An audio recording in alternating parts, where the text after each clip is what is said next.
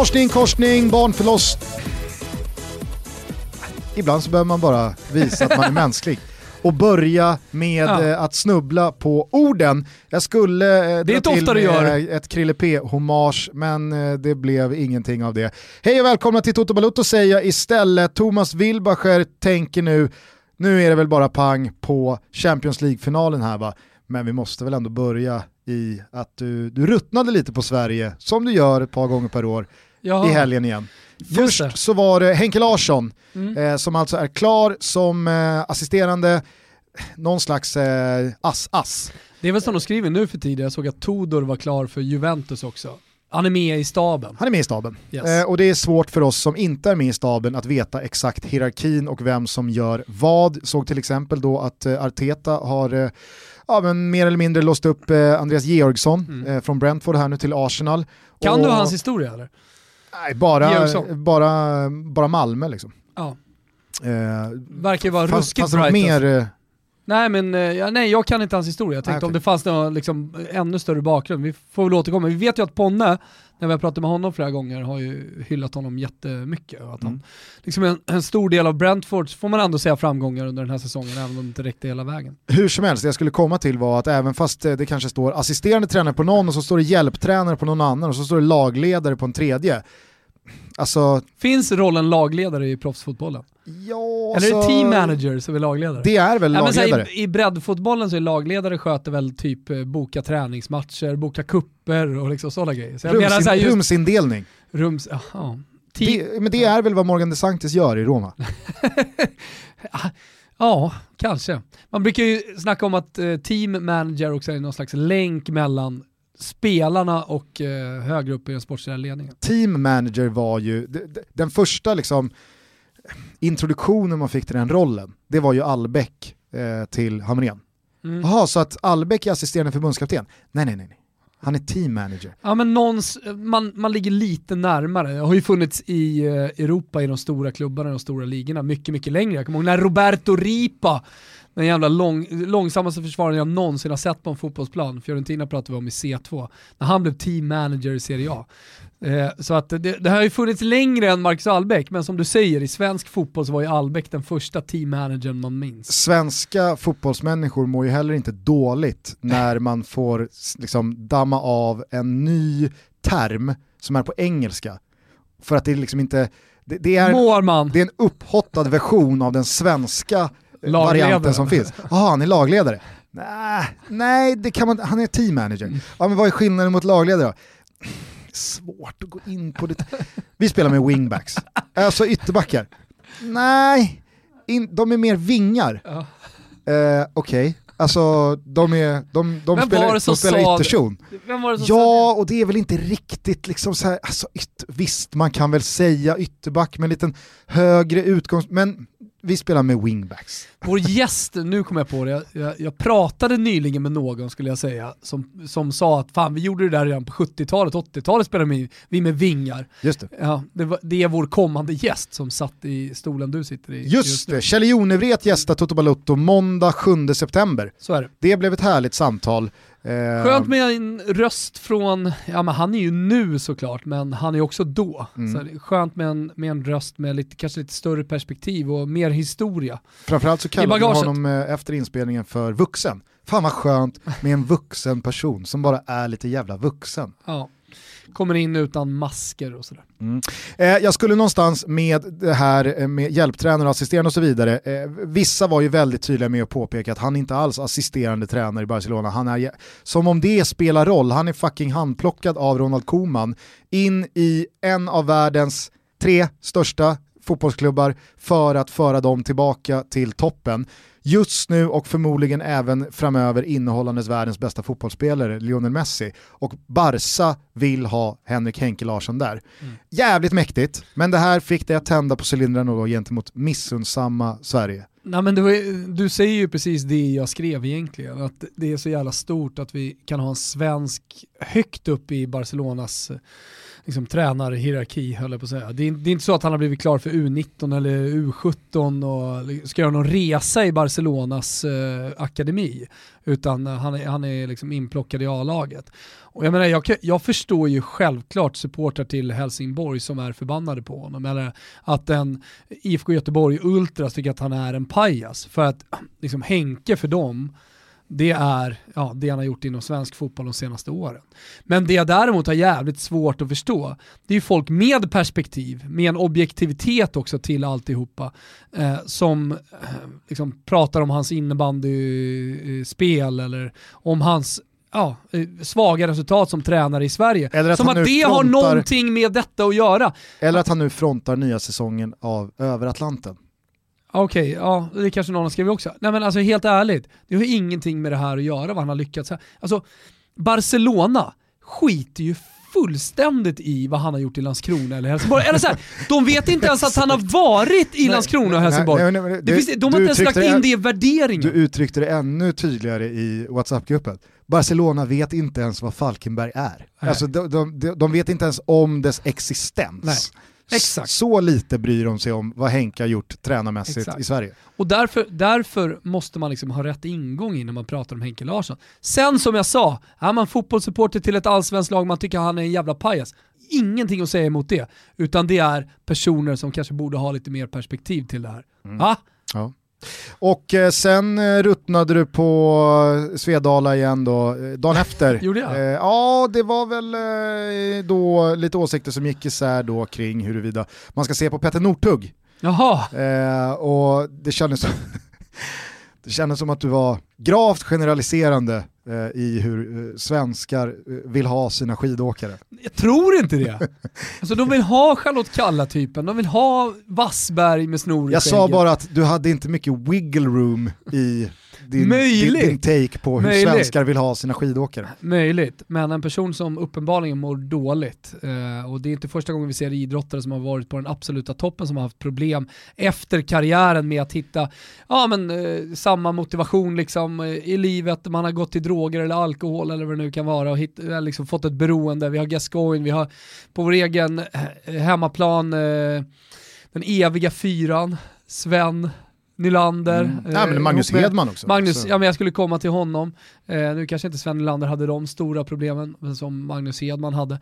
Men, men, men det finns ju någonting tragiskt i det här också, eh, som jag tycker är snarare viktigare att belysa än att bara, eh, som eh, krönikörer gjorde, liksom bara pissa på, på Peter Northug. Eh, så, så därför, därför, tog jag absolut gärna, mycket gärna en eh, sargad människas försvar Uh, och sen har jag alltid gillat Petter Northug, det, mm. ligger, mm. alltså det, det, det, tror jag till och med jag har nämnt i, i podden. När alla trötta jävla svenska skidåkare med Kalle Halvarsson i spetsen inte lyckas med någonting, så kommer den där enorma vinnaren, stora idrottsmannen och bara slaktar. Det tycker jag är ballt. Vi ska också... I en, i, i, I en sport som är väldigt mycket blåbärssoppa och även där, där Peter, Peter Northug kommer ifrån liksom, uh, och syltmackor, så, så är det ju liksom det är härligt när, när, det, när, det, när det kommer artister in i den typen av sporter kan jag tycka. Också väldigt svenskt att gnälla på vallan. Ja, herregud. Norrmän har aldrig gnällt på, på vallan. Jag eh, ska bara gå lite händelserna i förväg här. Också väldigt eh, svenskt att valla bort sig. Ja, ja. Vi har vallat bort oss i 12 år nu. Ja, ja. Lägger ner miljarder på den jävla valla som ska vara under skidorna. Bara kör eh, Stockholmsskidan, rätt av. Skulle också Starkast gå vinner. lite händelserna i förväg här, på tal om Kjell Jonevret avsnittet. Då hyllar eh, vi faktiskt Kalle Halvarsson också. Ja. För att han då gick ut och eh, inte alls eh, ställde upp på att eh, kritisera Petter Northug. Utan det är en vän. Jag vänder inte honom ryggen eh, när det börjar blåsa åt andra Så hållet. Så agerar en riktig människa, en riktig person, mm. en riktig vän. Och därför fick han också en utbankad schnitzel. Nu får han en gång till så får ni höra den om eh, någon vecka med Jon Evret också. Men eh, Kalle fan, in my heart alltså. My boy. my boy. Har vi... Main man Halvardsson. Är det det största cringe-ögonblicket senaste tio åren? När han kör låten och musikvideon mot Klebo? Kläbo? Klebo. Skitsamma det är Kalle på micken, det är jag som är riktigt stor på picken Petter Northug, vem fan är du? Du har ju lika stora biceps som Bryntes fru. Med det sagt då, Champions League eh, säsongen 1920 är avgjord. Bayern München är mästare. Lewandowski fick eh, som första spelare någonsin vinna en eh, trippel innehållandes eh, ligan, den största kuppen och Champions League som europeiskt kuppspel och dessutom göra det då som bäste målskytt i alla tre turneringar. Eh, det var dessutom hans första Champions League-titel. Jag vet inte hur du, det är ju alltid sådär när en stor titel delas ut, man fokuserar ju alltid, eller jag gör det i alla fall det, eh, på vissa individer. Vem det är viktigt för, Ja, vem, ja. Som, vem som har fått någon slags revansch, vem som gör det för första gången, vem, vem som signalerar att det här var sista chans. Alltså, Mm. Man kände lite det med Thiago Silva. En så stor back, både ur ett klubblagsperspektiv men också ett landslagsperspektiv, alltså som lagkapten och mittback i Brasilien som har gått lite tungt de senaste tio åren. Alltså, Men om vi tar 2010 till 2020, var hamnar han liksom på listan bland centrala backar? Thiago Silva, Ja.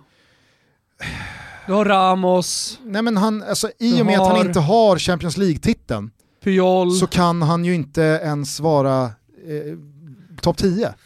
Är han inte ens topp 10 alltså? Landslagsmässigt och klubblagsmässigt så saknar han ju de tyngsta Mm. bucklorna. Mm.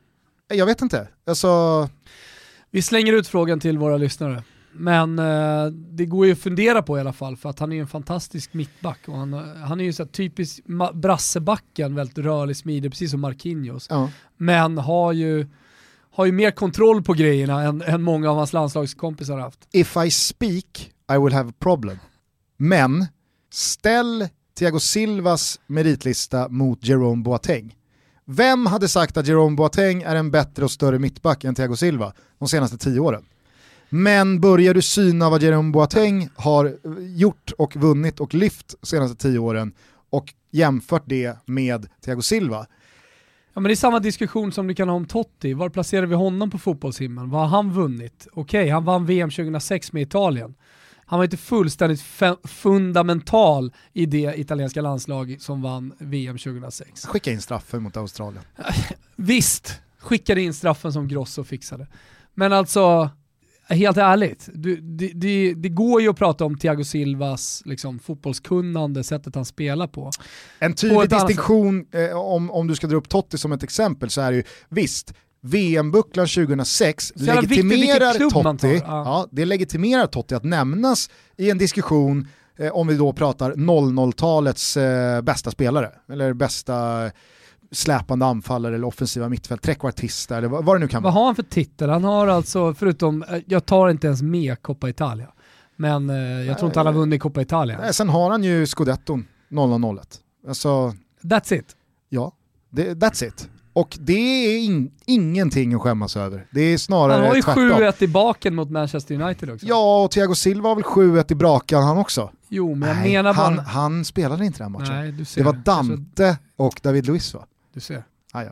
Ja. eh, hur som helst, det jag menar är bara, alltså Totti har förvisso en, eh, liksom den största titeln av dem alla, så att han är legitimerad att nämnas i samma sammanhang. Men Totti har ju också någonting eh, Thiago Silva inte har, nämligen liksom one club man-grejen. Han valde att stanna Jo. i sin klubb och därför så blir man ju lite immun då mot att jämföras med de Thiago som har Silva flyttat vann- på sig två, tre Ja, gånger absolut. för stora pengar för att gå till de bästa lagen för att vinna de största titlarna. Jag köper det i och med att eh, då Thiago Silva har jagat kanske Champions League-titeln genom att gå till PSG. Mm. Okej, han valde fel då, Ja. om man skulle vinna titlar. Men eh, nog fan är han med topp 10 med- på min lista alltså. Ja, vart är Jerome Boateng då? Eh, 20. precis utanför. Precis. så trampar du inte någon så här stenhårt på tårna. Nej men jag vill ju heller inte riktigt eh, ta med de som är jättebra nu, som har blivit jättebra nu. Ja. Alltså typ van Dijk. Nej. För att man ska ha varit med lite från början på 10-talet. Mm. Mm. Ja, men det är också svårt eller hur? Om Det är vi pratar så här, ja, men en tioårsepok, jo men där har det kommit och gått spelare på olika liksom, nivåer. Men van Dijk har inte vunnit någonting med Holland till exempel. Han har vunnit Champions League och Premier League. Ja, och han har väl heller ingen ligatitel av större vikt eh, på 10-talet. Exakt. Den vann han väl först nu. Thiago Silva har ju några. Precis som Han har en final också i Champions League. Mm, det har han. Eh, nej men, eh, det, det, det, det, det var ju en sån spelare man hade fokuserat extra på ifall PSG hade vunnit. Eh, precis som det hade varit eh, speciellt att se då eh, alltså Choupo-Moting som kommer in från Stoke kylan i Stoke mm. och blir någon joker i det här slutspelet och att han då hux flux går och vinner Champions League. Alltså det hade ju varit ett otroligt öde och så vidare. Men vilka fokuserade du på i Bayern München? För att jag kunde liksom inte, alltså, ser du när Lewandowski går ner på knä och bara liksom bankar händerna mm. i gräset, då kände man, fy fan vad han har längtat efter det här. Ja. Nej men ja, dels Lewandowski absolut för att han, jag tycker att han har förtjänat det. När man summerar hans karriär så ska han ha den här Champions League-bucklan också. Eh, förutom allt annat som han liksom har åstadkommit i, i eh, i Bayern München. Men han är börjar, ja, nu, börjar, nu börjar jag tänka på, ja precis. Han, han är, som Zlatan, han får, ju alltså, han får ju acceptera att, att det förmodligen inte kommer bli en mästerskapstitel med sitt land. Ja, det kan man köpa lite Ryan Giggs och, och sådär. Bale, eh, när han var som bäst. Men eh, nu när du nämner namn så börjar jag bara tänka, var placerar vi Lewandowski då på 10 10-talets lista bland, bland forwards. Nu är han svår så nu, nu jag, liksom jag har låst mig här nu, jag har fastnat lite där, du kan nämna vem som helst. Men, men alltså jag blir ju lite han är påverkad. Förbi, han är förbi Iguain och Kun nu. Tycker jag. Det, det, så är det ju. Kun Agüero har ju inte vunnit någonting med, med Argentina heller. Var, placer, ja, var placerar vi Messi då? Nej, nej sluta. Fan, jag, nej, nu, nu vart jag alldeles... Men jag är, så rö, jag är rörig i skallen för jag äter ingenting. Nej, jag förstår. Nej. Eh, men du föder ljuset. Kan, kan, jag få försöka bara komma till att jag eh, då var påverkad av Viasat-studion som hade ett väldigt stort fokus på Kingsley Coman. Mm. I och med att han då kommer från en PSG-bakgrund, inte bara fostrad själv utan har även familj som är väldigt nära klubben och, och supportrar och allting sånt där. Och att han då som 16-åring väljer att göra, ta en annan väg via Juventus och sedermera då eh, Bayern München. En spelare som man sällan också pratat om som en av de bästa i världen. I och med att han har varit skadad. Sen vi som har sett honom i, i Bayern under den tiden han varit eh, skadefri har ju sett en fantastisk spelare. Det var nästan som man liksom inte förstod riktigt att, att det var sant. För vi som då följde honom i Juventus såg ju absolut ingen storhet i, i honom. Nu har han skjutit eh, en Champions League-titel till Bayern München. Mm. Och dessutom en titel som inte är den tredje raka, utan det, det är den första på väldigt, väldigt länge. Ja, och jag såg igår att eh, det här var, om man nu ska räkna in liksom franska ligacup-bucklor eh, eh, som en major titel, och det, och det kanske man ska, jag menar det, det är väl så man räknar Zlatans Botox Cosmetic, out botulinum toxin A, FDA approved for over 20 years. So, talk to your specialist to see if Botox Cosmetic is right for you. For full prescribing information, including boxed warning, visit BotoxCosmetic.com or call 877-351-0300. Remember to ask for Botox Cosmetic by name. To see for yourself and learn more, visit BotoxCosmetic.com. That's BotoxCosmetic.com. Eh, titlar och Dani Alves titlar och Xavis titlar. Och, alltså då, då åker lite Charity Shield och eh, Coupe de la Ligue, eh, såna, superkupper åker in. Mm. Men igår så sköt alltså, eller nickade alltså Kingsley Coman in sin 24 titel. Mm. Och killen är 23. ja, han, har val, han har ju valt sina klubbar med omsorg. Ja det får man verkligen säga. Och det är ju inte som du är inne på. Är du Bayern München, det spelar ingen roll, eh, du, du, då vinner du ju titlar. Nej men jag säger bara att det är ju, precis som du är inne på, inte någon spelare som i fyra, fem, sex år har varit en spelare man ser på som en starkt bidragande spelare till hans klubbs framgångar och eh, lyftande av Nej. bucklor. Däremot så kommer jag ihåg... För han har ju varit ett Bayern München alltså fram tills bara för något år sedan med då, alltså då har det varit Robin och Ribéry hela vägen någonstans ja, jag som har varit jag hade en kultfigurerna. Ja. Eh, och det är först nu de har lämnat, men i det här laget så har det varit väldigt mycket Serge Gnabry, eh, Perisic kommer in, de får in Coutinho, alltså så här, Müller har eh, trummat igång också eh, och, och nått fornstora dagar. Så att man har Men jag liksom... kommer ihåg en period som man hade som var fantastisk. Jag pratade med Daniel Olenklint om just Robin Ribéry. Hur ska man lyckas ersätta de två spelarna? Uppenbarligen så har ju det gått väldigt bra. Mm, ja, det får man säga. vinner Champions League i år. Bayern väldigt bra på att förnya sig, måste man också säga, och ge cred till eh, klubbledningen där.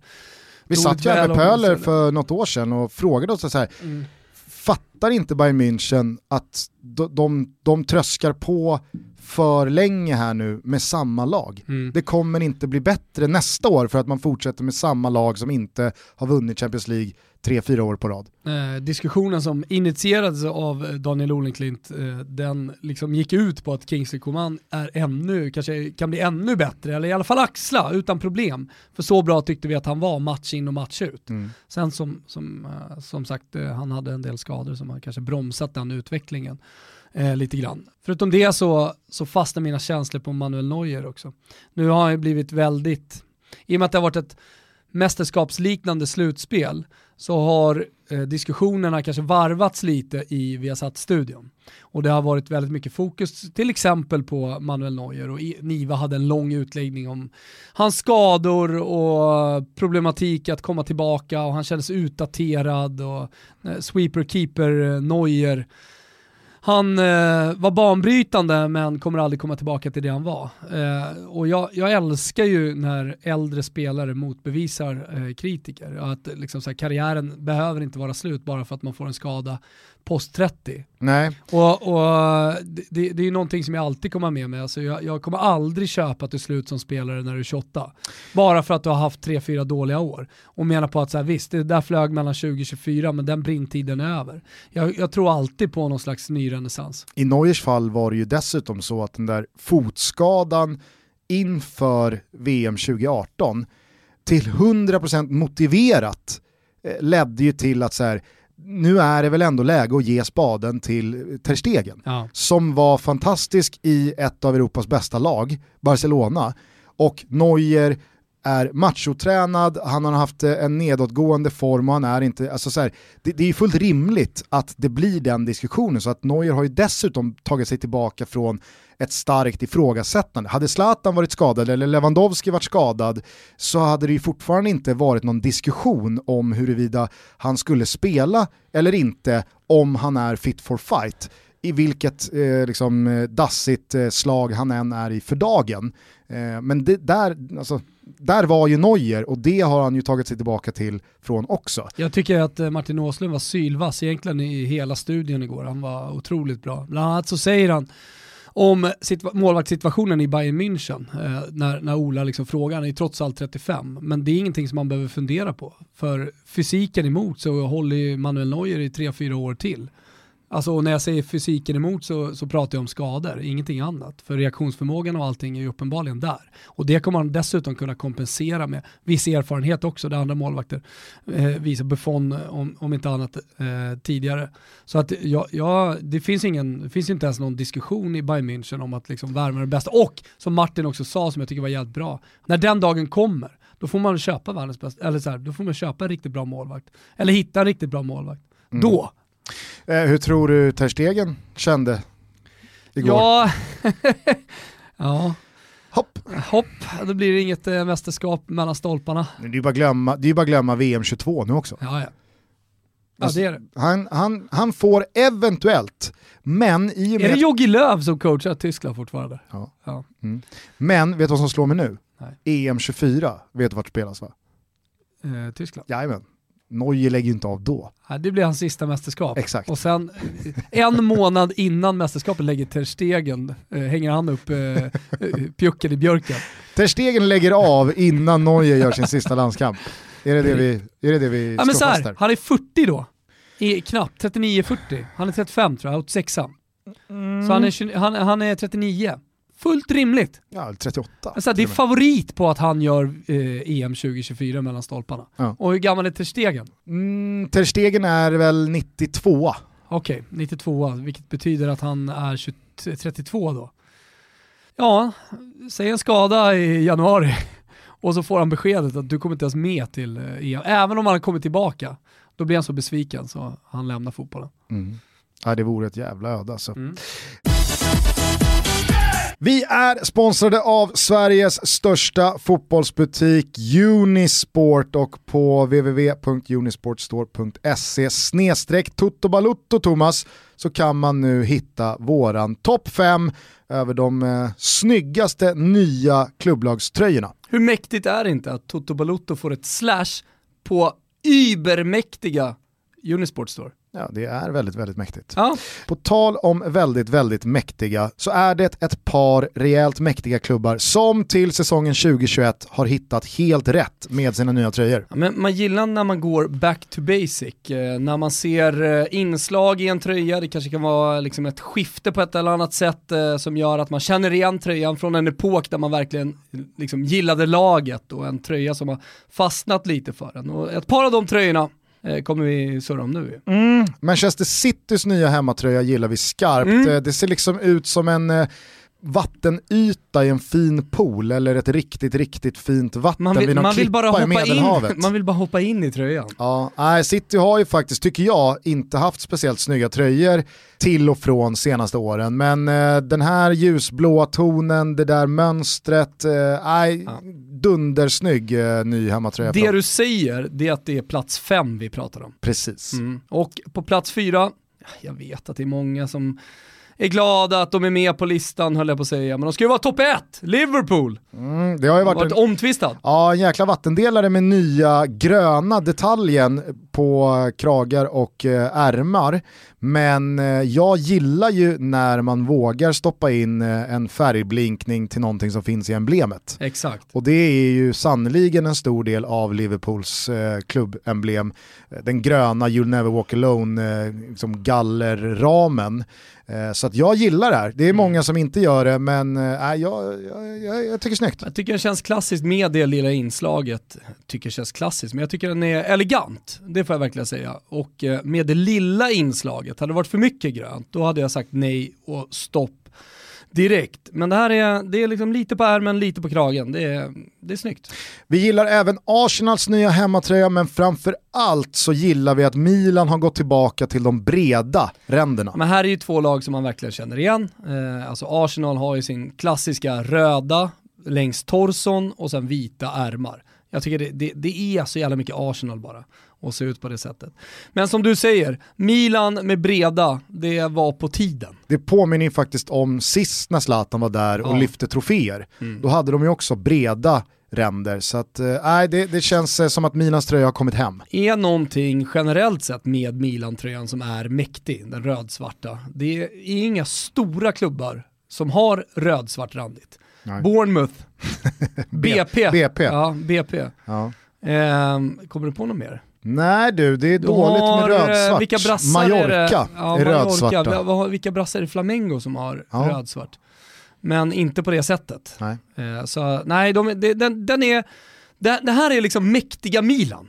Och att Zlatan med största sannolikhet, han kommer ju spela i Milan, även om de tjafsar om 7,5 miljoner i lön eller 6 miljoner, vad det nu är. Det ska bli mäktigt att se han i den här tröjan. Hörni, de här tröjorna i all ära, snyggast av dem alla, det tycker vi är Barcelonas nya bortaställ. Helvete vad de har gått bort sig senaste säsongerna, Barca med sina bortaställ. Back to basic, Ja, Gusten. nu är Enkelt. det eh, black is back och sen så är det Guld. gulddetaljer. Kanske lite skevt eh, en säsong efter man har sumpat både liga och Champions League och så man tycka. vidare. Men eh, nej, det här var fem plus på alla sätt och vis. Det är vår lista och ni går in på unisportstore.se slash totobalutto, eller hur Gusten? Yes, och eh, de här tröjorna finns givetvis till försäljning hos Unisport, men inte bara de, utan alla nya fotbollströjor går att hitta hos Unisport, En Sveriges största fotbollsbutik. Ja, och en man väntar på. Jag ska, jag ska fan köpa den, jag som inte köper eh, så mycket matcher. Jag ska köpa Milans och så ska jag ge bort den till en god vän. Och sen ska jag gå in och behålla PSGs nya. Så fort den kommer. Och den kommer finnas på unisportstore.se. Brutal tröja, den hade toppat den här listan om den hade varit ute. Vi säger stort tack till Unisport för att ni är med och möjliggör Toto Balutto. Stort tack! Eh, mer då från gårdagskvällen, vad, vad tyckte du stack ut? Vad tyckte du om matchen? tyckte den var en fantastisk match. Jag tyckte den hade precis allt. Alltså, om jag kollar på en Champions League-match, framförallt en final, då vill jag att det ska se ut som igår. Högt jävla tempo, hög teknisk kvalitet, målchanser för att det finns så många offensiva spelare på planen. Spelar ingen roll vad du spelar för typ av försvar egentligen i, i en sån där match, utan det, det, det är så mycket bra spelare framåt. Och även de som är precis bakom som lägger fram bollarna, ta Joshua Kimmich, eh, Kimmich eh, som ett exempel. Eh, fina fötter på varenda jävla position. Eh, då, då, då, det är så här det ska se ut. Alltså tempot i den där matchen, pff, alltså, det, Det är otroligt. Jag håller inte riktigt med dig alltså. Jag, jag, jag tyckte att, och, det är väl fullt jävla rimligt, jag tyckte att det var ganska många spelare som såg lite tagna ut av stundens allvar. Alltså det, var, det var en del slarviga passningar och enkla bolltapp och Ja, men felbeslut. det är för att tempot och, är så jävla högt och det får man nästan acceptera när det är. Det ska vara sånt där jävla högt tempo i en, Bar- i en Barcelona-final. Visst, det, det, var ju, det, var ju, det, var ju inget, det var inget trögt tempo. Det var väl ett par inledande passiva 10-12 minuter i andra halvlek tyckte jag, där det var väldigt mycket ställningskrig och vem, vem vågar gå för det mest. Ja. Eh, men, vilket eh, också har, hör till dramat dramaturgin i matchen ja, på något och herregud vad det hör till en final också Ja. som avgörs eh, i, i en match såklart. Men jag tycker Men- det känns spännande. Liksom. Jo absolut, jag, tyck, jag tycker bara att det var vissa unga spelare som har imponerat stort på mig eh, hittills eh, under den här säsongen och inte minst här i slutspelet som jag tyckte såg lite darriga ut. Alltså Alfonso Davis, Tilo Kerer och ja, det var en del spelare som kändes lite tagna av, av stundens allvar. Vilket jag tycker också så här, adderar någonting till det jag säger. Alltså Mm. det är hög teknisk kvalitet, det är högt tempo och sen så har du dessutom nervositeten i de unga spelarna. Sen såg du i mitten på andra halvlek, alltså efter Bayerns mål, eh, så är det ju väldigt mycket då Neymar som ska ha bollen för det är han som då ska leda PSG tillbaka in i matchen. När han fumlar ut bollen över sidlinjen tre gånger på en och en halv minut. Och ma- man, man, kände, alltså man såg nästan på hans kroppsspråk, att så här, vad fan är det som händer? Ja. Vad är det som händer? Det är, Ja, Man har ju varit där ute på kanten själv några gånger och haft dåliga matcher och vet hur jobbigt det är tredje gången man fumlar ut det där bollhelvetet liksom. ja. Så att, eh, ja det är klart man kände med honom där. Eh, Det var inte hans match eh, den, den här gången heller då, Neymar. Men, men han skapar samtidigt mycket, alltså, det, det, det, det är så bra motstånd. Mm. Så att på något sätt måste de också ta ut varandra lite. Det, det är så jäkla hög nivå även på de defensiva spelarna. Verkligen. Eh, Nej, men, men, och det, det, annars så fastnar jag lite i att det inte är publik. Alltså, det var någonting... Eh, jag har varit på tre Champions League-finaler, eh, hängt med Juve-fans, Real-fans, Atletico-fans och liksom eh, ha, ha med mig känslorna när, när de sitter och gråter efter matchen, eh, euforin efter, sången, fan, komma till en Champions League-arena, uppdukat allting. Så när, när jag liksom satte mig och skulle knacka krönika så var det, tog det över mig att det ekade spelarröster som sprang in och, och skulle fira på planen för att de hade vunnit Champions League.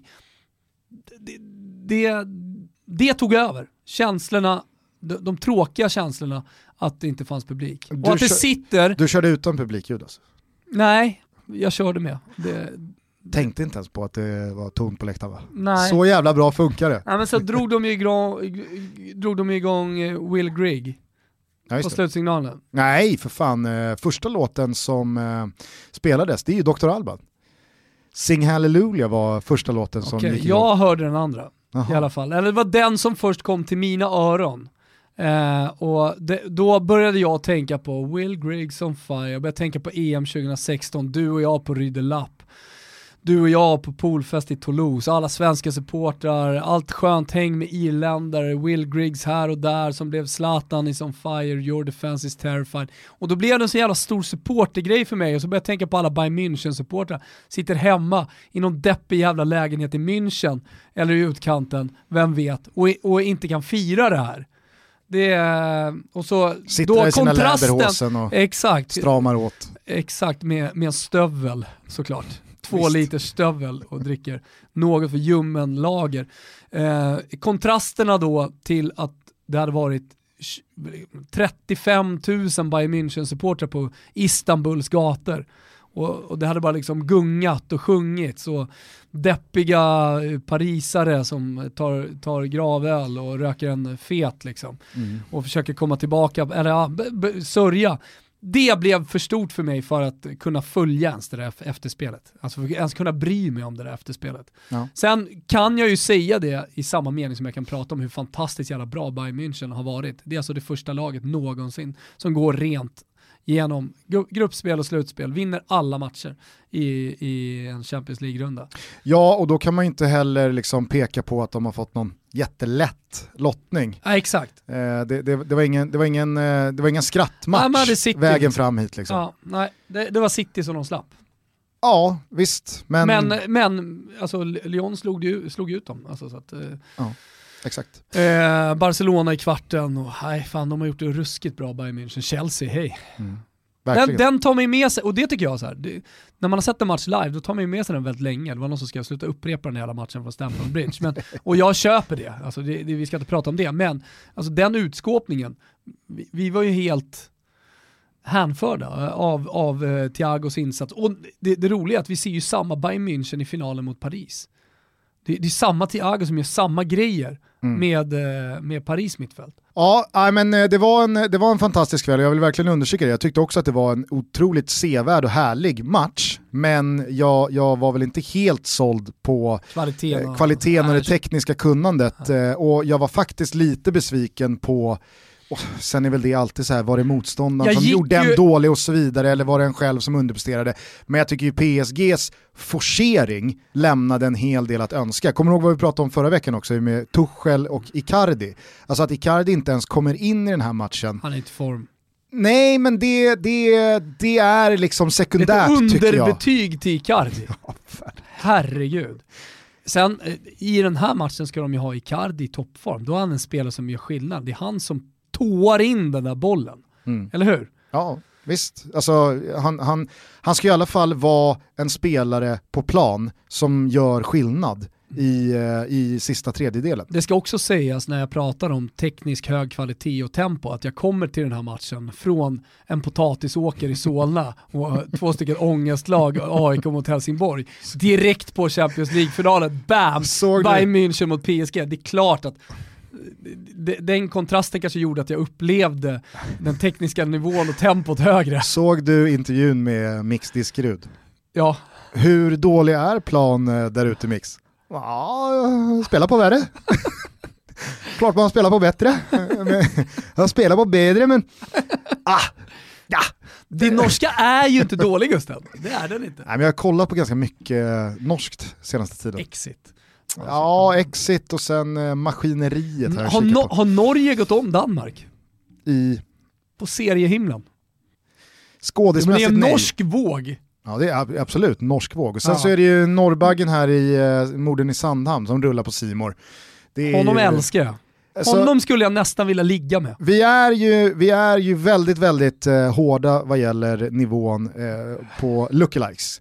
Noterade du min Micke Nyqvist-konte förra veckan? Ja, och det, det jag gillar med den, alltså det folk har, det, det har problem med, med folk som skickar in lookalikes, det är att de skickar in någon med samma skägg, samma hårfärg Ja. och eh, samma eh, ras. Ja. Och så tycker man så här, kolla vad de är lika. Ja.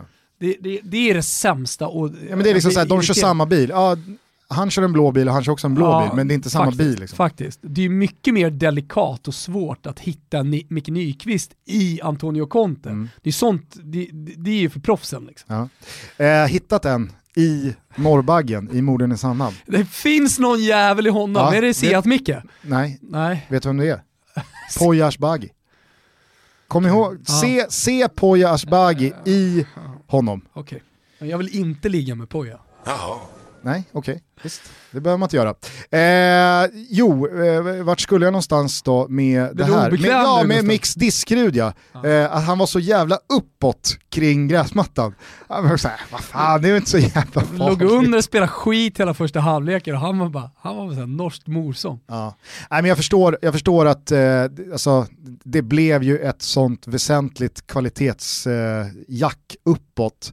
Eh, att eh, det, det blir ju, alltså, det, det kanske blir lite för gnälligt av mig att sitta och tycka att det inte var någon jättehög teknisk nivå. Men jag trodde i alla fall mer på en eh, tuta och köra. Och det, första halvlek var väl väldigt mycket så. Herregud, egentligen. alltså Navas och Neuer Jo, första men håll med, mig, håll med mig om att andra halvlek var, alltså, det var märkligt få avslut eh, för att vara en Champions League-final där det ena laget andra halvleken. ligger under och inte har någonting att förlora. Man måste framåt. Det måste till, liksom, det måste till några slags avslut i alla fall för att ens ha, ha chans på en Jag tycker att de saknade en referenspunkt i Paris eh, anfall. Mm. Alltså det saknades en Icardi där framme, en Cavani. Någon som eh, är av yppersta världsklass i form i en sån final. För, för, att, för att de skulle kunna faktiskt vända på den matchen. På, på tal bara om eh, reaktioner efteråt, eh, jag noterade ett, hur jävla cool eh, killen Mbappé var. Alltså han kändes lite mer så här. Ja, ja. Ja, jag inte i tar det år, nästa gång. Det, men det kommer. Ja. Det är lugnt. Mm. Det, jag, jag har många år Säg kvar. någonting om honom också. Ja, Och hans framtid. han kändes eh, verkligen liksom chill, Mm. eh, inställd till att Thiago det blev en sur... tårar, de förstod ju. Han ska väl typ till, jag vet att Fiorentina förhandlar med Thiago Silva. Ja, även Chelsea. Ja. Mer, mer Chelsea. Eh, om Chelsea kommer in i bilden, Fiorentina förhandlar, sen kommer Chelsea in i bilden, då är det ju bara dra upp vita flaggan och, och surrender. fan, Jacquini kan väl... Han får väl pitcha. Du, du ska vara anfallare i Beppe Jacquinis lag. Beppe Jacquini, har du någon bild på det? Ah, Va? Varför har han så stor keps? eh, och, Fan så stor I och för sig känns Thiago Silva också som någon som har lite för stora kepsar. Men, och, och han skulle väl dessutom spela mittback då i Beppe Jacquinis mm. Fio inte anfallare. Men, men eh, sen så har vi ju då eh, Alaba som sannoliken stod och tröstade Neymar. Ja. Lite medvetet länge, tycker cynikern i mig. Mm. Han vet här Alaba. Han har ju, alltså, Kamerorna är på honom. kamerorna missar ju inte Det är vilken Gugge här alltså. kamerorna missar inte vilken bayern spelare som tröstar Neymar, alltså den största stjärnan på planen. Och, och liksom visar sin eh, empati och sin förståelse för och kan liksom åsidosätta sin egen framgång och lycka för att vara en medmänniska. Hade han stannat 15-20 sekunder innan, ja då hade jag nog också sållat mig till, till kören som sjunger Alabas lovsång. Men Du är en man med ett gott hjärta, kärleksfyllt och passionerat Gusten. Så när cynikern i dig kommer fram någon enstaka gång, då lyssnar jag. ja. Och jag köper det. Hansi Flicks eh, reaktion dock, Mm. 6 plus. Schnitzel, återigen, det känns som att vi har hyllat Hansi Flick på alla sätt och vis senaste tiden. Men ser du hans reaktion? Mm. Slutsignalen går, alla liksom tappar av eufori, men Hansi Flick vet att ah, innan jag gör någonting, då tackar man för en god match. Ja. Inte håller på med någon jävla kramkalas deluxe här och att han ska stå omfamna näven. Tuchel. Här har du näven, här har du en kort kram, tack och bock, eh, inga liksom flin och grin i ansiktet, utan bara värdigt liksom. Har jag missat någon? Nej, det här var nog hela staben. Jag kan inte gå runt och tacka varenda jävel här va. Eh, och, och jag ska inte liksom eh, låtsas som att eh, min kram kan göra någon skillnad här. Ni har precis förlorat en Champions League-final. Men jag gör i alla fall rätt för mig innan jag gör någonting annat. Hansi Flick, den perfekta tränaren. Ja, såg du på presskonferensen efteråt när han fick frågan om eh, Thiagos framtid? Eh, vi kan lyssna här, han pratar tyska eh, och min tyska är obefintlig eh, förutom några ord. Så vi översätter. Men eh, han får då frågan av en journalist, eh, vad, eh, vad, vad säger du om Thiagos framtid, var det här hans sista match? Och eh, Hansi Flick säger, han sa faktiskt till mig precis här nu eh, innan jag kom hit att eh, han stannar. Och sen så håller han masken i fyra sekunder eh, med ett liksom gravallvarligt ansikte. Och sen så brister han ut i, ja, det här. War ein schönes Gesicht, ja, man muss ja sagen. Kul! Mycket roligt. Så alla bara, jaha, börjar, börjar sk- fila på, på rubrikerna. Någon snabb jävel där Ja. hade ju redan tryckt ut den. Sen så gillar jag verkligen, eh, alltså, jag, jag, jag hade inga problem med att vara öppen med det, att liksom så här, Hansi Flick, vem är det? På tal om det vi inledde avsnittet med, med assisterande tränare. Han har ju glidit med och varit i, i, i tyska landslaget länge bakom Jogi Löw och så vidare. Men igår då när Niva i studion berättar om att ja, men Hansi Flick har som gammal så här, halvdan spelare i Bayern München hela tiden eh, Funnits på radarn. hålls kontakt med och man ide- identifierade att han hade kanske inte kunnandet på plan som spelare som en av de allra bästa, men han, det var en jävla Fan, hade Klopp fotbollshjärna. och Liksom. Tuchel det då? Det har vi redan pratat om. Nej, Mourinho. Exakt, men det, det finns väl en anledning till att det någonstans stannade för Lothar Matthäus eh, som förbundskapten för Ungern, typ. Men då att de lite mindre anonyma spelarna är kanske de som är, är bäst lämpade för eh, att eh, ta det vidare. Och att Hansi Flick då har skickats ut på olika, som Niva uttryckte det, satellituppdrag hela tiden med ambitionen att någon Säger gång någonting komma om. Bayern Münchens jävla makt i Bundesliga och inom den tyska fotbollen. Ja, och som Att vi pratade om han var förra ju veckan. Hoffenheim, Hoffenheim bara ja det här kanske vi kan, kan bli vår eh, framtida tränare. Gör han det tillräckligt bra eller gör han det överjävligt bra? Då är det tillbaka till Bayern igen. Ja. Nej, men som vi pratade om förra veckan med Alfonso Davis, att alltså så här, Bayern München är en tysk klubb som hittar sådana spelare i Vancouver, i Kanada, alltså i ett land som har Nu var ju noll Davis en cred. spelare som man kan då sålla till skaran av spelare eh, som eh, man pratar om Inter hade honom som 16-åring men man tog honom inte. Det var för att han var för kort. Eh, Barcelona var där och ryckte. Eh, de hade han i sin hand men de tog honom inte. Vilken miss, nu är det Bayern München som får liksom skörda framgångar med honom som Bacco kommer göra under ett, eh, liksom, eh, alltså, hur många sådana spelare finns det inte? Alltså, så här, alla storklubbar har bäst på alla de största spelarna. Och så var det även med Alfonso Davis. Ja. Alla klubbar hade koll på honom när han var 16 år. Men Men, kan- Bayern München var starkast och tog honom. Ja. Man kan inte gräma sig som Inter-supporter. Va? Var vi där och ryckte när han var 16? Det går ju inte. Nej, och så kanske man då kan istället då slå fast, om nu Alfonso Davis var så på radarn för de största klubbarna som inte jag då hade koll på, eh, att Bayern München även vad gäller det där ligger i framkant vad, vad gäller uppföljning. Ja, Alltså att man hela tiden har men sina finns det så många sådana här spelare. sonder ute. Jo men det, alltså, du- du, kan nä- nämna en uppsjö, det är därför jag säger att han eh, sållar sig till en skara spelare. Det är så många sådana där. Aubameyang, ja men varför släppte Milan honom en gång i tiden? Åh vilket misstag. Hur många som helst finns det som då andra storklubbar haft ett intresse någon gång för. Vi är sponsrade av Simor och nu så är det inte speciellt lång tid kvar tills vi återigen får se vårt älskade landslag spela fotboll. Det är tuffast tänkbara motstånd, förhoppningsvis på en bättre gräsmatta på Friends Arena. Men det är Frankrike och Portugal mot Jan Anderssons Sverige. Truppen tas ut i dagarna och matcherna ser ni, inte bara Sveriges matcher, utan alla Nations Ja, League-matcher via Simor. Jag tänkte säga det, de här Na- Nations League-matcherna, man kan tycka vad man vill om Nations League, men det som är så jäkla bra med Nations League, det är att det är toppmatcher eh, på landskampsnivå. I, annars har det alltid varit träningsmatcher som är så jäkla trötta, eller då kvalmatcher mot San Marino. Men nu är det toppmatcher. Så varje kväll i stort sett så är det en match som man verkligen vill kolla på. Så att eh, skaffa er simor abonnemang Jag förväntar mig dessutom att eh, alltså, i och med coronans inverkan på kalendersäsongen som varit och flyttandet av EM, alltså Janne kan ju inte ta några chansningar. Nu är det skarpt läge. Han måste spela in de spelarna han tänker spela med i EM. Spelare som ligger på gränsen, de måste ta chansen. Det kommer inte vara någon dassig, sömnig liksom, ja ja nu, nu, nu leker vi Det är Nations League ett skarpt tag. läge direkt. Det är det. Eh, utöver Nations League fotboll så vet ni att eh, PGA-touren eh, ser ni på Simor är ju inne i slutspelsfas nu va? Bam. Ruskigt, ruskigt bra och så är det NBA-slutspel för alla basketvänner där ute. Tack till, Simor! tack till Simor för att ni är med och möjliggör Toto Balotto. Tack Simor!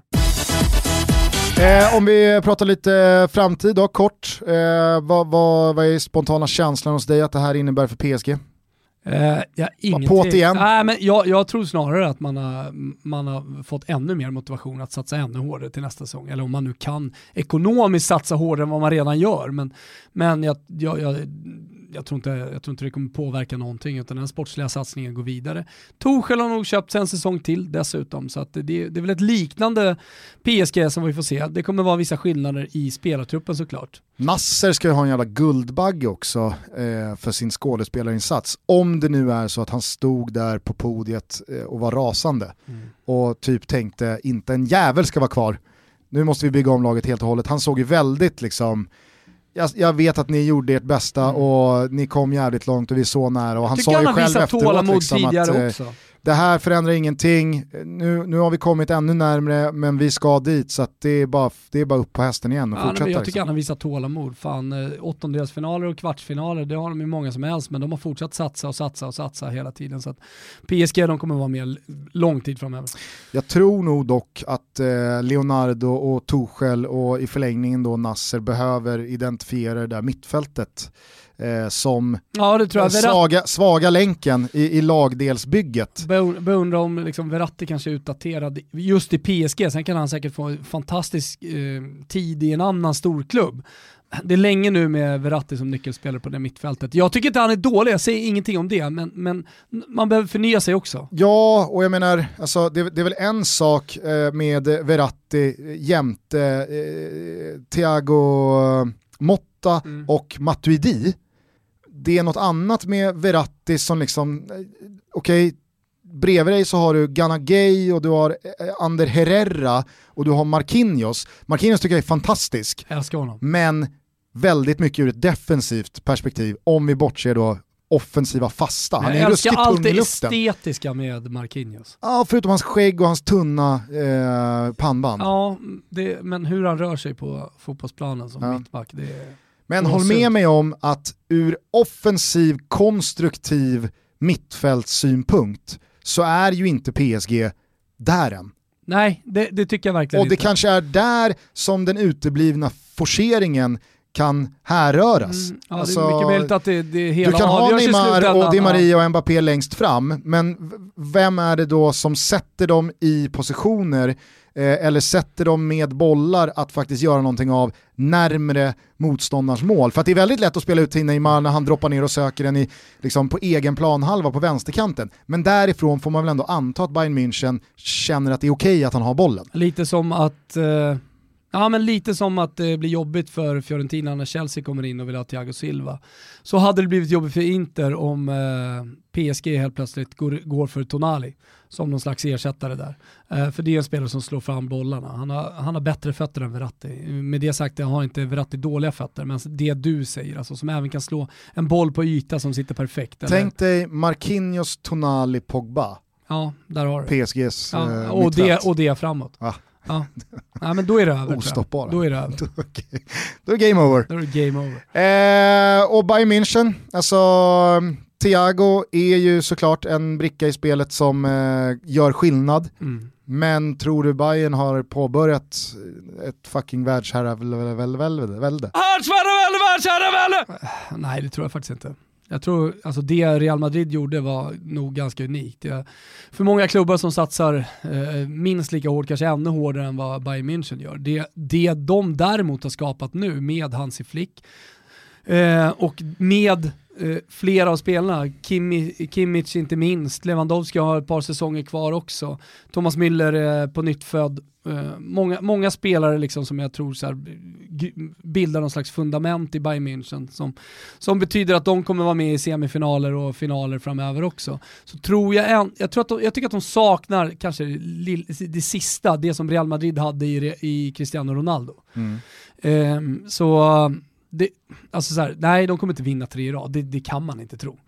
Och, och då ska man också säga att eh, innan Real Madrid så hade inget, ingen klubb vunnit ens två gånger i rad Champions League. Nej, och alltså... Men någon slags epok har, har inletts här nu med Hansi Flick, det är jag övertygad om. Organisationen är så stark och deras makt inom den tyska fotbollen att sopa rent på de spelare de vill ha, den är så stark. Man pratar ju alltid om Bayern München först och främst som en maskin, en lagmaskin. Men jag tycker att man pratar Har vi väldigt pratat lite nog om, om... lagmaskinen Bayern München kanske till och med? Ja, det kanske Eller vi vi i har. alla fall benämnt dem Ja. en gång för mycket som Ja. maskinen Bayern München. Det var, därför, Igår beskrev de som svulstiga, det tyckte jag var ett fräscht uttryck. det var därför jag ville lyfta frågan om så Lewandowski som en otrolig spelare som de lite står och faller med. Alltså Lewandowski fyller 33 nästa år. Alltså det är ju deras enskilt viktigaste eh, spelare vad gäller målgörandet, vinna matcher, eh, vinna matcheriet och sätta sig i finaler i, i, i kuppspelet.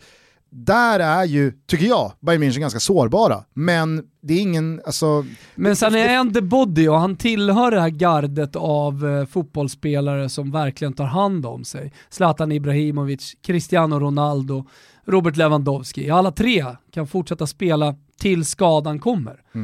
Så med, med det sagt så är det ingen panik med att ersätta Robert Lewandowski. Däremot så ska man ju såklart se till att ha en ersättare. Eh, jag skulle bara addera en PSG-mittfältare till det där ganska, i, i mitt tycke då, eh, långt ifrån fullfjädrade offensiva kreativa mittfältet och det är Paredes. Mm. Alltså att han startar en Champions League-final såg man inte riktigt komma Nej. när Roma släppte honom till Zenit. Nej, Ander Herrera, såg man det då? Mer än Ja. Paredes och Gana Gay. Ja, jo. ja men så är det. Men hej. Men Eh, hej. Det om eh, det kanske. Ja, Eh, vi säger grattis eh, till Bayern München, till eh, Adam Pöhle Nilsson och alla andra Bayern München-supportrar där ute. Konrad Lugauer, Mm. kusken.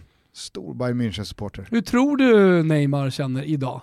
För Lans borta på lördag. Ja, jag vet Någonting säger mig Så ing, att alla, Neymar ingen, inte startar den matchen. alla har ju missat att den franska ligan faktiskt har återstartat. Alltså, jag satt faktiskt och kikade igenom Monacos startelva. För jag tycker det är roligt att följa sådana här lag som haft var i Champions. League-semifinal för bara tre år sedan. Eh, som hade ett helt otroligt lag med Mbappé och Falcao. Och... Först en döm i ryggen. Ja exakt, och, och de, de värvade liksom in, men de gick ju före verkligen. Eh, sen så kanske det inte bara var klockrena eh, värvningar, men man gick före och man, man kände ju också så här, när det här väl spricker, då kommer det spricka stenhårt. Eh, och det, det, det har det ju gjort när man nu synar Monacos. Ja, det är så. Ja, det, det, Golovin är kvar. Men Golovin, det, det är så här, Det är ändå nyckelspelare i det laget. Ja, ja, och, men, men, men ska man vara ärlig så är ju Golovin en av alla de här ryska mästerskapsspelarna. Ja. Som egentligen, Inte borde ha I- lämnat Ryssland. som man tänkte, jaha, han är så här bra. Men Man sen blåste ju upp det ryska landslaget lite för mycket, det gjorde man. Ja, De blåste väl upp sig själva en del också. Eh, men nej, det, det, var typ, det var typ hans namn jag hittade i Monacos eh, startelva här Mm. från, från premiärrundan. Hur som helst är det Lans borta för Neymar på lördag. Jag, jag säger som du Gustav, jag vågar tro att det, det inte blir någon start för, för brassen. Nej, nej, det är ju absolut eh, känslan. Men eh, samtidigt så tror jag ändå att Neymar tänker att det, det, Jo det kommer här, gå och jo, fan vet de inte, han har hittat rätt till slut. Han ska inte tillbaks till Nej. Ronald Komans Barca Nej det tycker jag verkligen och försöka liksom eh, återskapa svunna tider. Han är inte en ung spelare på väg uppåt i karriären som kan, som kan liksom lära inte. sig Det Messi i år. och vara bakom Luis Suarez och vara en del av en trojka. Neymar måste få vara kung i sitt land och rike. Men Eh, annars, annars är ju det bästa man kan göra efter att ha förlorat en match surt och tungt att spela en ny fotbollsmatch med bara 3-4 dagar efter. Ja, Där, förutom nu. exakt. Omgång 1 av 38. Det, är så här, I en det, det fransk funkar liga, de efter att vet. ha torskat ett derby, AIK Bayern och att sen gå på Falkenberg borta och ha revansch. Ja, men Falk- vi-. Falkenberg, PSG. Jo, men, men PSG förlorar en final i Champions League, ska åka och spela Lans borta. Ja, ja, och Då finns det ingen motivation. Nej, och det du pratar om det är ju liksom så här, ah, sur jävla förlust eh, nu, ja men som i allsvenskan nu. Det är liksom, det är ändå gått 17-18 matcher. Det finns tid kvar, det är, en, det är jätteviktiga poäng på spel nu. Men typ Elfsborg efter torsken mot Östersund igår, de vill ju ingenting annat nu än att bara pang på direkt för att vi ligger fortfarande bra till. Det där var Mm. sura poäng att tappa och nu blir guldet eh, riktigt, riktigt eh, svårt att hota om. Men i det läget så vill vi bara spela match igen. PSGs läge nu, det är ju så här, de vet ju att vi vinner Ligue 1 om vi spelar 32 matcher. Vi kan vaska sex matcher, vi kommer ändå vinna ligan överlägset. Och att då sätta tänderna i Lans borta i den första av 38 omgångar. ah, Den det- är tung. Men du, på tal om allsvenskan. Mm. AIK tog en eh, stor skalp, eller skalp och skalp, men en stor seger i alla fall. Norling tillbaks på bänken. Norling tillbaks, 3-5-2. är med gamla Norling 2018, där har ju Bartosz varit med. Mm. Så att eh, han, han kan ju definitivt eh, formera den truppen exakt eh, som Rickard Norling gjorde 2018. Och det enda man känner är att spela 3-5-2 för all framtid AIK. Mm. Det, är där, det är identitet på fotbollsplanen. Men jag undrar hur Rickard Norling kände när han, om han nu följde den här matchen, att jaha, okej, Ja, men han hade all möjlighet att byta. Han fick ju byta hur mycket han ville. Under, under säsongens gång. det kanske han hade kunnat, men du fattar vad jag menar. Ja, det är klart jag när, när fattar vad du dessutom menar. Bartosz i intervjun efteråt står och pratar om, för att Jonas ställer väl någon fråga i typ i stil med att så här, varför gick ni över till den här taktiken och det här spelsättet? Ja. Och Bartosz säger, nej men det är så truppen är byggd. Väldigt mycket för att truppen är byggd så. Och ser du det laget med, med Mets, Pertan och eh, Sotte, så är du Seb där på mitten tillsammans med Ado som eh, faktiskt ser bra ut igen. Såg ju förjävlig ut i det andra spelsättet. Jag tyckte det var så jävla kul. Det är eh, i slutet av första halvlek så kommer det ut en boll i andra vågen och där är Ado som alltid och, och fångar upp och samlar upp den bollen. Men man ska ju då, det vet ju alla eh, som har varit med någon gång, att i det läget så handlar det om en sak, det handlar om att döda bollen. inte tappa bollen i det läget och åka på någon omställning, utan ta ett skott och sätt det på rad eh, 46 om det är så. Eller bara, ut på kanten. bara liksom. bollen Ja. dör liksom. Det är inte läge att ta ner den och, och exponera dig för ett bolltapp. Och Ado gör ju som han alltid gör, han tar emot bollen och så får han iväg något liksom uselt skott. Ja. Eh, och eh, Petra eh, liksom, noterar då detta och Jon Persson känner sig nödgad att säga det alla tänker. Ja, jag vet faktiskt inte om jag någon gång har sett Enok Kofi Ado få iväg ett bra skott därifrån. Tyckte det var så bra Jon. Så måste man liksom, måste kunna säga det alla tänker ibland Ja. också. Det det en- man måste få saker och ting han kan bekräftade av kommentatorerna. inte skjuta. Nej. Det är, så, så är det bara. Han är, han är bra på mycket, men inte att ta att skott eh, utifrån. Mm. Så det tyckte jag var eh, pikt och kul av Jon Persson. Eh, men utöver det så måste man ju säga att det var en allsvensk helg som återigen gick i eh, hemvändarnas tecken. Eh, Pontus Wernbloom tillbaka i IFK Göteborg. Alltså, Ja, han är orörlig. fikaligan är nu till två femtedelar Ja. samlade. Ja. Eller är de bara fyra? Oklart va? Jag tror de är fem. Vet de själva? Någon jävla gång ska det fikas. Eh, nej men jag tror att eh, det är väldigt, väldigt mycket av vad Göteborg behöver just nu. Det För tror jag också. Gö- Göteborg är ju, precis som AIK, inne i en period där all bets are off. Nu kan vi inte hålla på och prata spelfilosofi och framtidens fotboll och metod. Nu måste treorna in va? Innan vi hamnar rejält prekärt i den här tabellen och börja slåss för, för överlevnad. Och där tror jag att Pontus Wernbloom kan bidra med oerhört mycket. tror jag också. Det tror jag definitivt. Så att, eh, alltså, man kan fortfarande göra mycket i allsvenskan. Eh, jag tror att eh, IFK Göteborg kan lyfta, AIK kan lyfta och mycket kan hända i toppstriden också, även om jag redan är ute. nämnt eh, Malmö FF till svenska mästare 2020. Så, så här, fan, det är många omgångar kvar. Tyvärr för oss då så gick han ju från eh, liksom presentation till eh, spelklar på bara några timmar och hade vi fått med oss det in i helgens Toto-trippel så hade vi kanske inte rört eh, Djurgården rak seger mot Blåvitt. De andra två benen satt ju som berget. Ja men nu gjorde det. Öven i Varberg och Mm. rak seger AIK. Men eh, det var ju jävligt surt att tappa den på en sen kvittering. Eh, återigen. Ja, men ib- ibland faller man på mållinjen, men jag tycker att vi är helt rätt på tripplan nu. Alltså, vi, vi, vi har gått starkt sedan eh, coronauppehållet. Eh, och, ja, men vi, vi fortsätter på det. I helgen blir det ju rakt av. Ja, kanske inte allsvenskan, men det finns väl någon superettan som du alltid brukar hitta. Hitta något i Lans PSG kanske? Ja, vem vet. Ja. Kanske det. Eh, Den som eh, lever får se, som alltid så skickar vi ut våra tripplar i veckans andra avsnitt och eller via våra sociala medier där ni såklart följer oss på kontot Toto Balotto. Mm, och alla som eh, tänker att de vill få en ny start, kanske som Thiago Silva, hitta nytt jobb någon annanstans, ja de går in på randstad.se, nämligen världsledande på allt vad det gäller karriärer och jobb, eller hur Gusten? Allt pekar väl på att Allegri har använt sig av Randstad här nu under året. Ja, och där då hittat eh, blåsvart. Vi får se, det är något jättestort möte, eller jättestort, det kommer bestämma Contes framtid. Eh, vi pratade om Contes otroligt märkliga, hela tiden exitar från klubbar. För att han är missnöjd med något, nu är det liksom hur säkerheten och hur de är skyddade i Inter från eh, allting utomstående som, som är fel och sådär. Han är, han är speciell Antonio Conte, det är han verkligen. Eh, men eh, det, det kan mycket väl bli, alltså de är i kontakt med Allegri om man får tro italiensk media, så det, det, det kan bli ett skifte där och då är ju frågan vad händer med Antonio Conte? Eh, på tal om Conte, jag tyckte... PSG kanske, jag vet inte. På tal om Conte och hans eh, klassiska bevingade ord som du så ofta återkommer till i den här podden, nämligen att man kan inte äta på en 100 euros restaurang med en 10 euro sedel. Så skickade Pöler igår kväll ut ett liknande citat från eh, Niko Kovac, alltså Bayern Münchens tidigare tränare under hösten, att man kan inte försöka åka i 200 km på autobahn när laget bara klarar 100. Ah, det är inte lika starkt. Det är inte lika liksom, Nej. det är inte, li- det är inte, det är inte bra.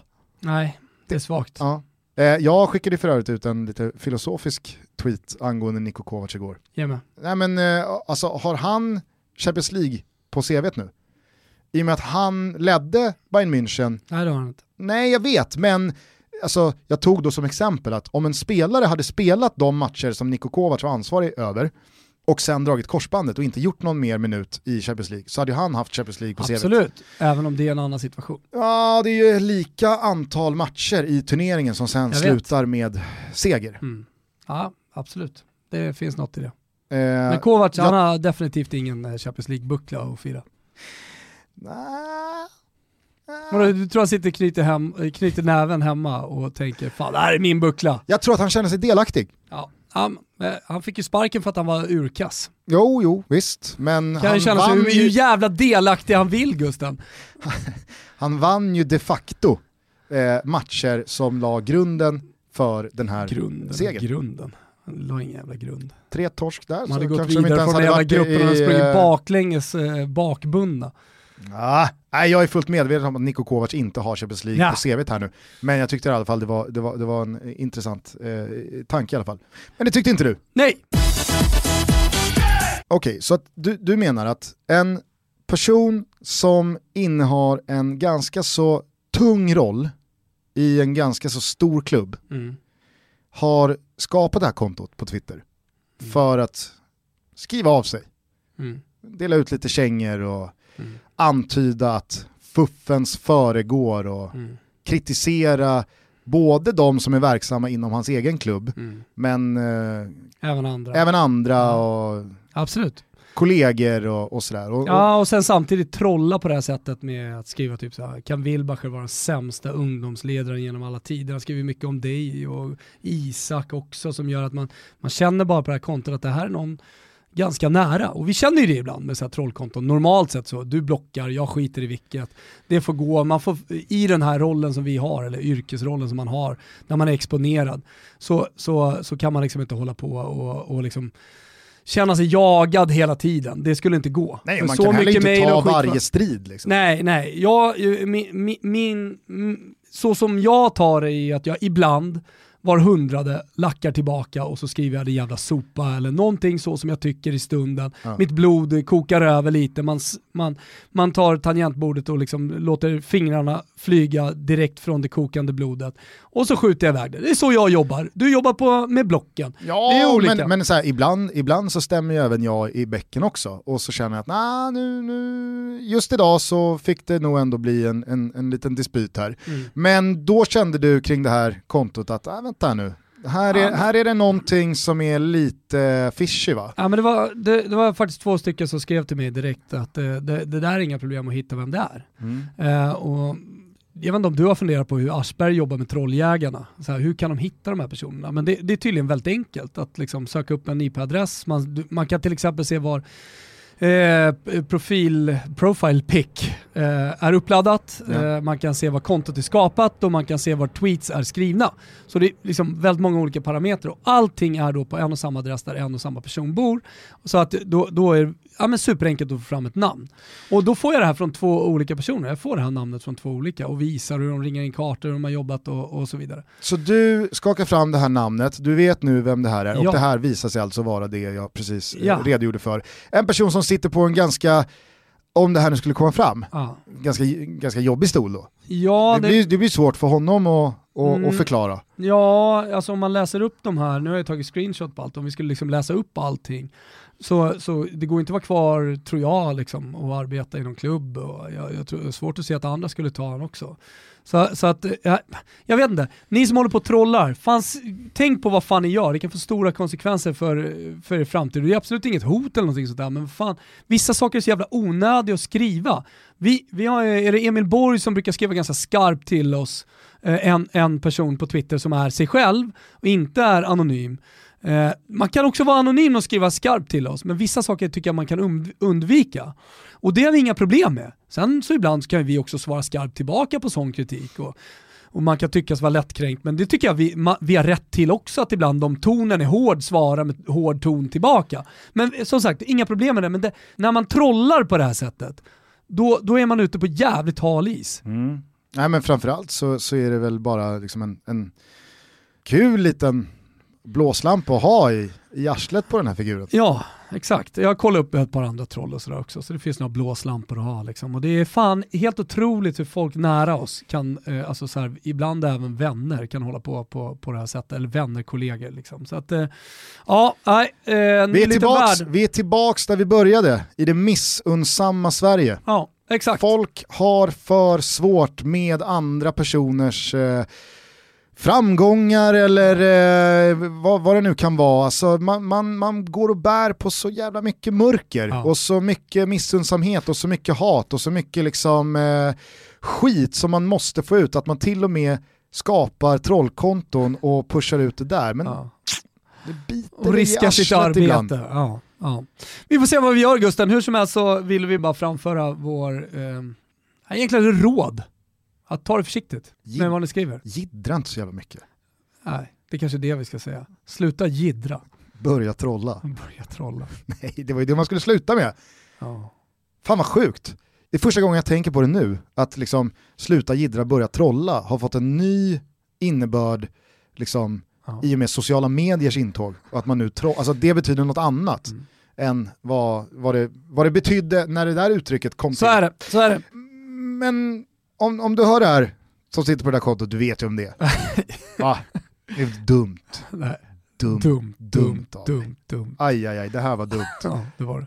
Det är inget roligt möte att bli inkallad till när vi lägger ut den texten Nej, så är det. och presenterar det för vederbörandes arbetsgivare. Aj, aj, aj, aj, aj. Aj. Eh, här kommer eh, Dr. Albans Sing Hallelujah. Eh, återigen grattis eh, till eh, Bayern München som är europeiska mästare och eh, 100% rättmätiga sådana. Så är det. Hörni, vi hörs en gång till den här veckan. Toto Balotto kommer ut två gånger varje vecka. Det blir kul, eller hur Gusten? Det blir det. Ciao tutti! Ciao tutti.